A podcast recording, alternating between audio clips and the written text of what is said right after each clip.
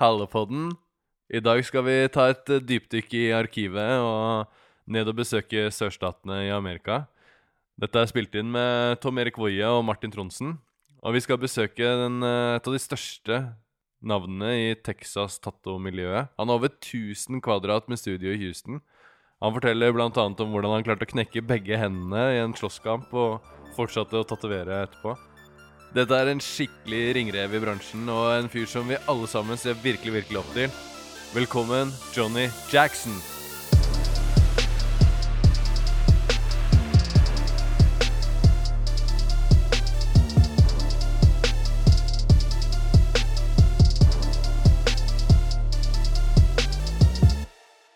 It's just going to be on me while you ask questions? Yeah.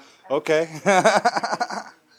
well, uh, about uh, 1998, I opened up uh, Texas Body Art at another location, and um, I was working there for about, I'd say about four years. And then uh, we came over.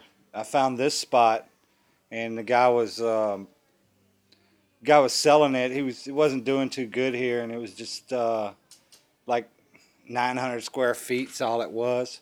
And uh, so I offered him, you know, some money for it. He was like, "Yeah, sure," because uh, the guy that originally opened this shop back many years ago, his name was Danny Armantrot, and he's a really popular tattooer here in Houston. Really great artist. He uh, he got murdered, and they kept his shop open, and so I, I figured, man, I might as well keep it open even more and make it even bigger. So I brought my influence and my artists and all my people over here, and we started out just thousand square feet over here. Then we expanded to the other side because I made the piercing studio as well. Then we decided, when we outgrew that, we decided uh, we we'd put tattoo stations over there too. So now there's uh, like eight stations over there, and we moved the piercing into the back. And uh, so I'm always evolving and wanting to build and do stuff. So we ended up um, opening a shop downtown under a nightclub, and uh, under the nightclub, it was pretty good. We had the VIP room with the gallery, the museum, and all that built, and uh, and then things went for the, the worst, and uh, the club started going down, and just the management of it was bad, and I just didn't want it representing us. So uh, we seen a good time to pull out, and plus the economy was hitting real real low right then. So I went ahead and pulled everything out, moved it over here, and this is where I tattoo. And uh, I'm gonna have guest artists come in, and they'll work here beside me here, and uh, we just continue building it up. We've got a lot of tattoo archive stuff, and uh, we get guitars signed and drum heads, and you know just memorabilia from uh, bands and stuff that we meet, and we just continue collecting them over here, and and um, basically, I mean, we've been here seven years now, and the shop's grown a whole lot, and we got real good customers and real good artists. There's eight artists, two piercers. Couldn't be more happy with it. Yeah, it's a super nice shop. And thank you, man. Thank you very much. So, how did you get started in the industry? Um, back when I was uh, a kid, I was 15, and I started. Uh, well, my brother had influenced me with uh, a homemade tattoo machine. I don't like promoting that because people think they can just do that and end up where I am. But there's many years and a lot of hard work to get this far, so it's not that easy. But that's where my initial exposure came from, and then uh, after playing with that for you know many years, like maybe seven, eight, nine years, I finally uh, thought I was good enough to actually do tattoos for a living and wanted to. So I walked into uh, Larry Shaw's over on Westheimer, and he was uh, he's a third generation tattoo artist that uh, that descended down from uh, Bert Grimm and all that from the Pike in Long Beach, and uh, he gave me a spot there at the shop, and I learned a whole lot there. It's where I did my basic, pretty much hands-on apprenticeship, and I learned a lot of the ins and outs of the business and how to deal with customers and things. So after uh, that went sour, you know, I just kind of moved around, floated around, and then figured I'd want to open my own shop. And that's whenever I started my other shop. Uh, your friends and family at the time, what did they think about you know your starting in the tattoo industry? Um, when it first started out, it was a little bit. It wasn't as popular as it is now. So I I, received a lot of uh, cold shoulders and people looking down on it and stuff. And and uh, once I started beginning to make money and be successful, uh, then all the family wanted to come around. They wanted to be friends. They wanted money and and and and, and I mean it's it's like any other business, I guess. It's once you make it and you get you know successful, everybody comes around and wants a piece of it. So, but um, they all accepted it. You know, even back then, they whatever I wanted to do, they they supported it. Uh, what, what would you say are some of your major influences? Um, a lot of my major influences uh, are the uh, old traditional styles. You know, Bert Grimm, Paul Rogers. But uh, in, in the past ten years, I've kind of opened up my mind to move away from the old school mentality. Because uh, coming up in Shaw's Tattoo, when I was there, it was more of a box. You know, it's like it's this way and that's the only way. And uh, I mean, we were using tight threes and uh, uh, round ma- round shaders. I never even heard of a mag. So whenever I seen the other work that was being done out, and I was just like, there's more to tattooing than just doing this traditional tattoo. So I started seeking out and looking for other things to use, other other influences. Uh, a lot of the major portrait artists that are well known in the states today, like Mike DeVries, Nikko, uh, and and all these guys. Well, Mike DeMasi and Mike DeVries was one of my main influences. I would say about five six years ago. I was doing my bright neo traditional stuff, and we were at a convention, and and me and my wife were there, and and uh, they were overlooking at my portfolio, and they were like, "Oh, we like this stuff," you know. And then I was overlooking at their portfolio, and I was like, "Oh, this stuff is crazy." So from that time on, you know, I started doing more realism work, where it's not really a lot of line work. You know, you do a lot of mag work, and Yeah, but and you still use the bright colors. Yes, I'd still use the bright colors, that I just transfer them over, try to you know use my my color theories with my portraits and realism.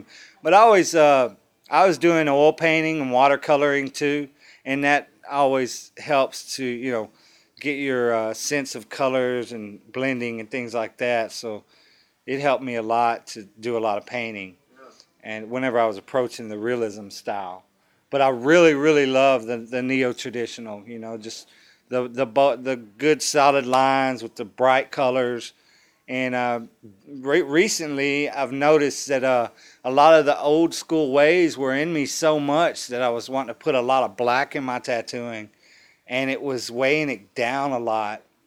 So here recently, I've noticed that that I wanted to change that and just go with more colors, like using concentrate colors for my blacks, like you know, concentrate blue or concentrate green or blue or, or purple, and use that as the black, because I see ten years later, tattoos that I've done, the color's not all faded out of them, you know. So these harsher colors are gonna gonna hold up. They're gonna hold up. So I start. I'm gonna start doing that more with my work now. It's a lot more pleasing to to, to my eye, and I can get that same contrast with dark and light by using the uh, concentrated colors with the brighter colors. So you're evolving your style.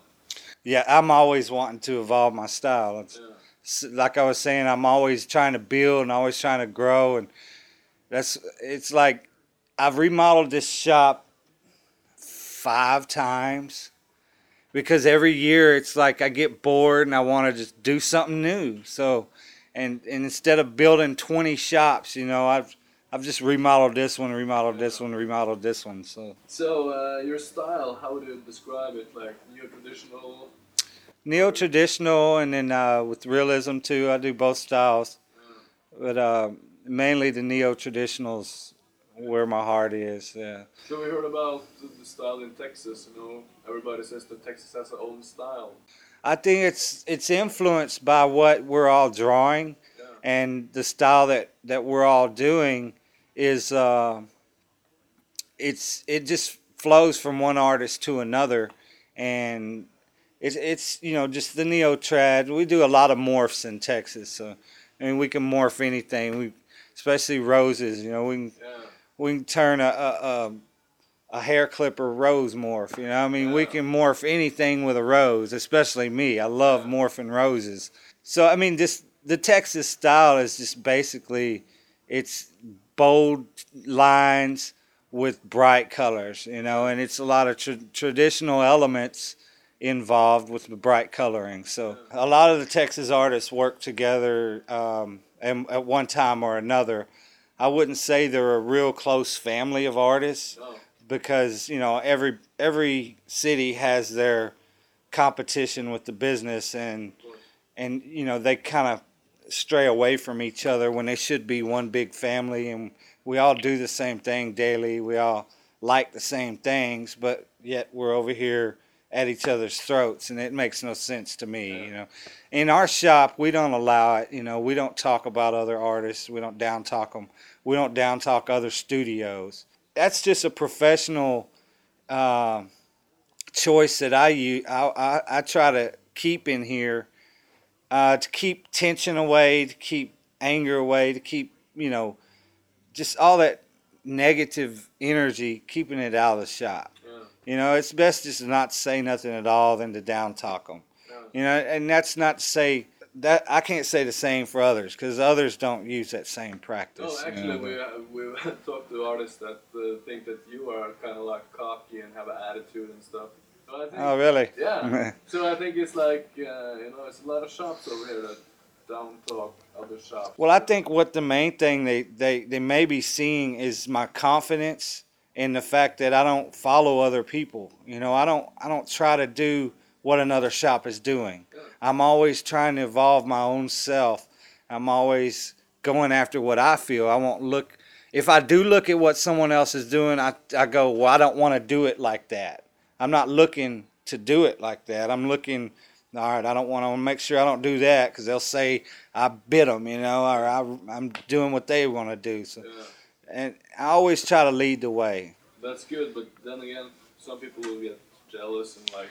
They'll always be that way. So one of the things we're talking about, like nowadays, you have all the big TV shows, all the commercialism about the tattoos.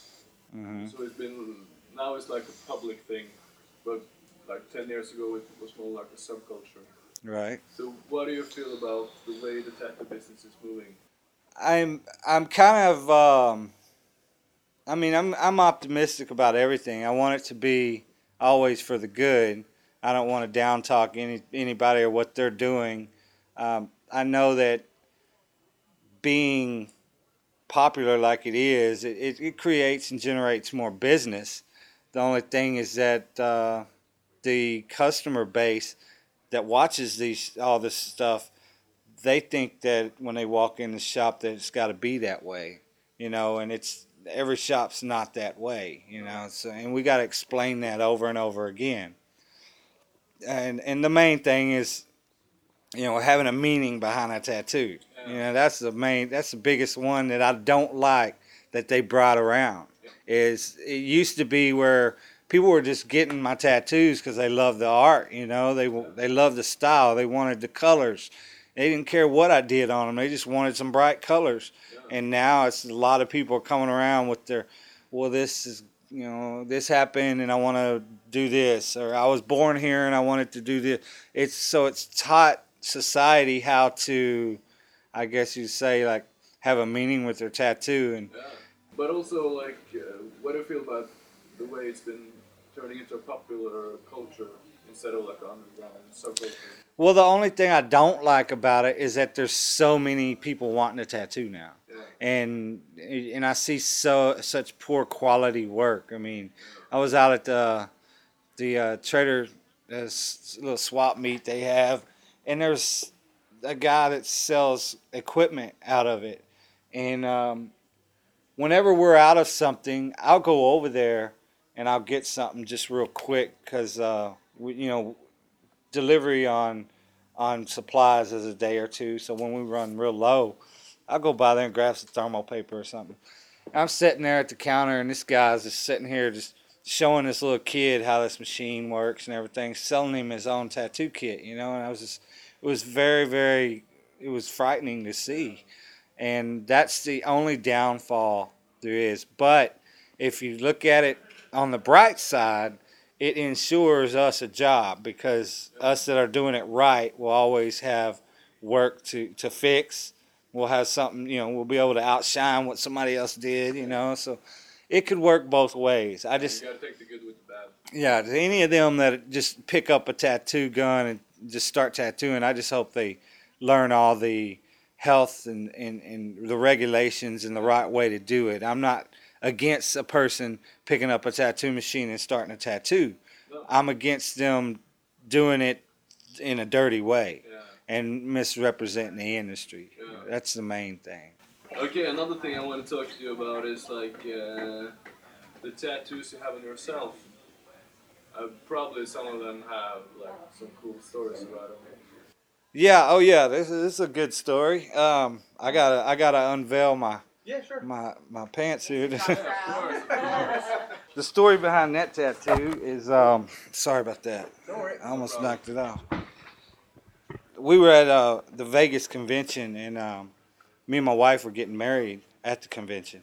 Yeah. So, and uh, Nikko was there tattooing, and I was just like, I didn't, I didn't want nobody else to do her portrait but Nikko, you know. So, I went up to him and I was like, "Man, you got a spot?" You know, and I didn't even set it up beforehand, so he worked it in, and we got to do that, you know. So, I mean, it was, it was the last day of the convention, and uh, it, it, it was a real meaningful tattoo because it, it marked our, our marriage and everything. So, and um, what a couple months before that, she had gotten a portrait of me on the back of her leg. So, and then uh, we've got the touch yourself tattoos that we all got.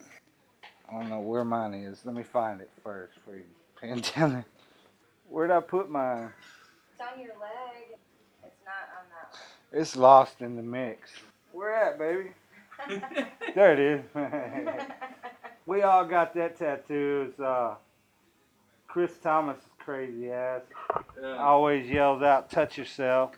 So uh, uh, me and probably about what ten people, yeah, about 10 of- survived. we all switched wives and did each other. So Yeah. so it was a little tattoo orgy. yeah, nice.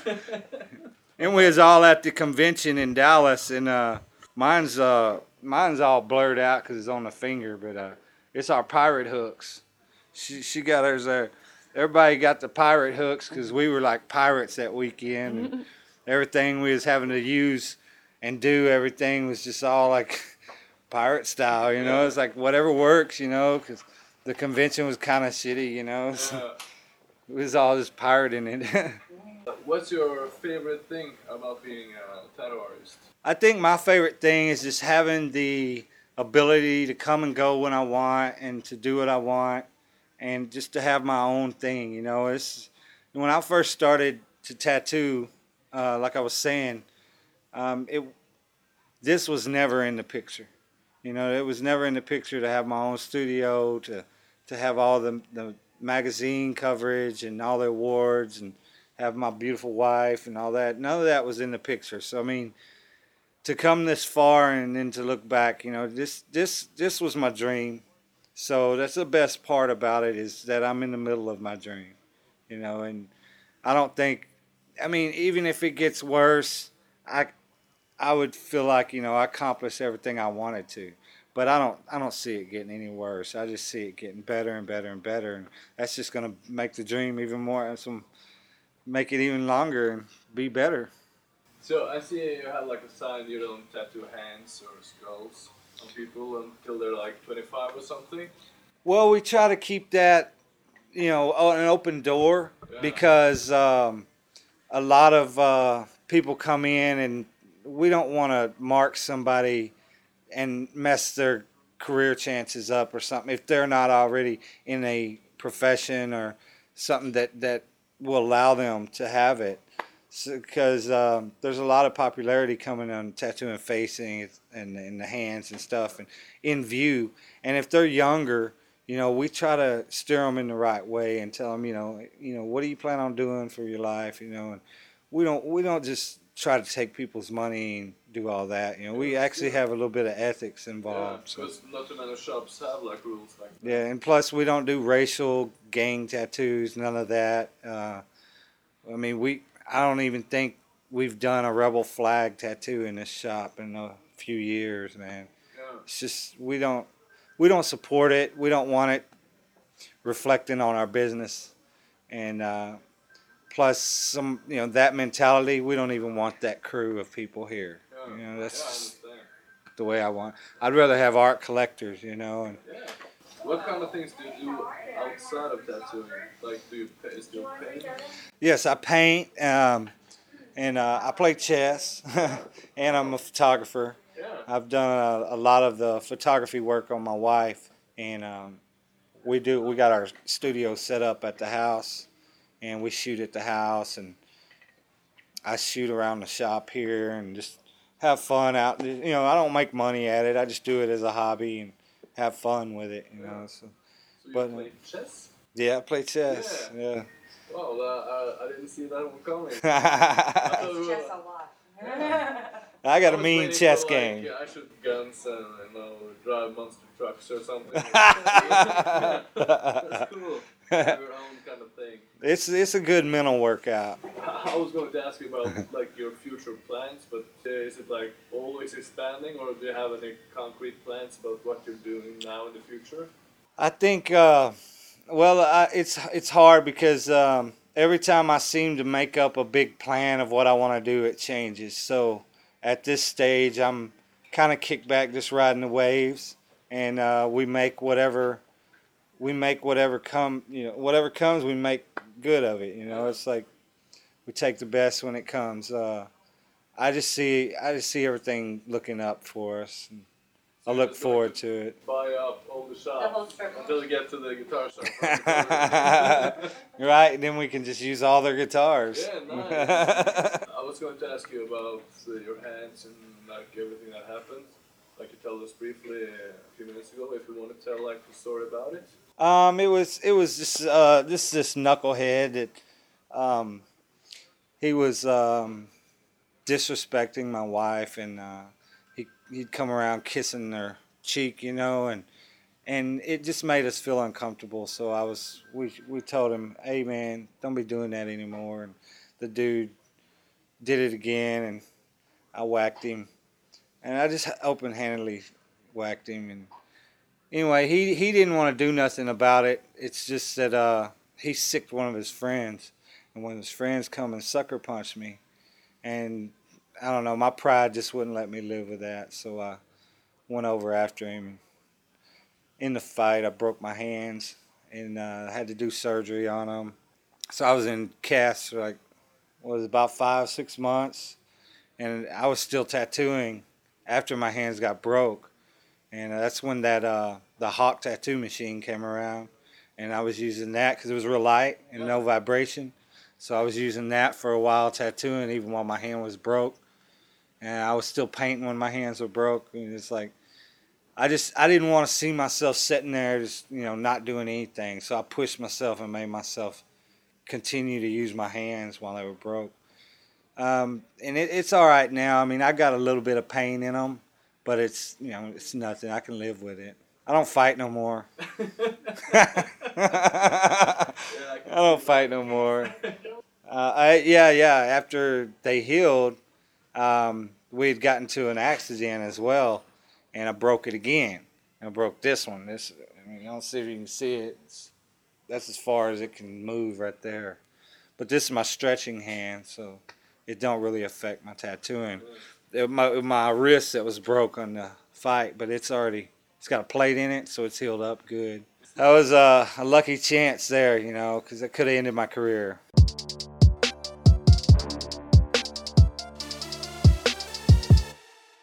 Yeah, no, it's I just appreciate y'all coming over and you know, and exploring our world and uh, asking about our our culture and stuff over here. I'm, I'm sure it's different, but it's still good, and I'm sure you can take things back with you that y'all can use, you know. And um, I wish y'all could hang around longer, you know, so y'all can see a little bit more action. And uh, Thank you. all right. Really man. good.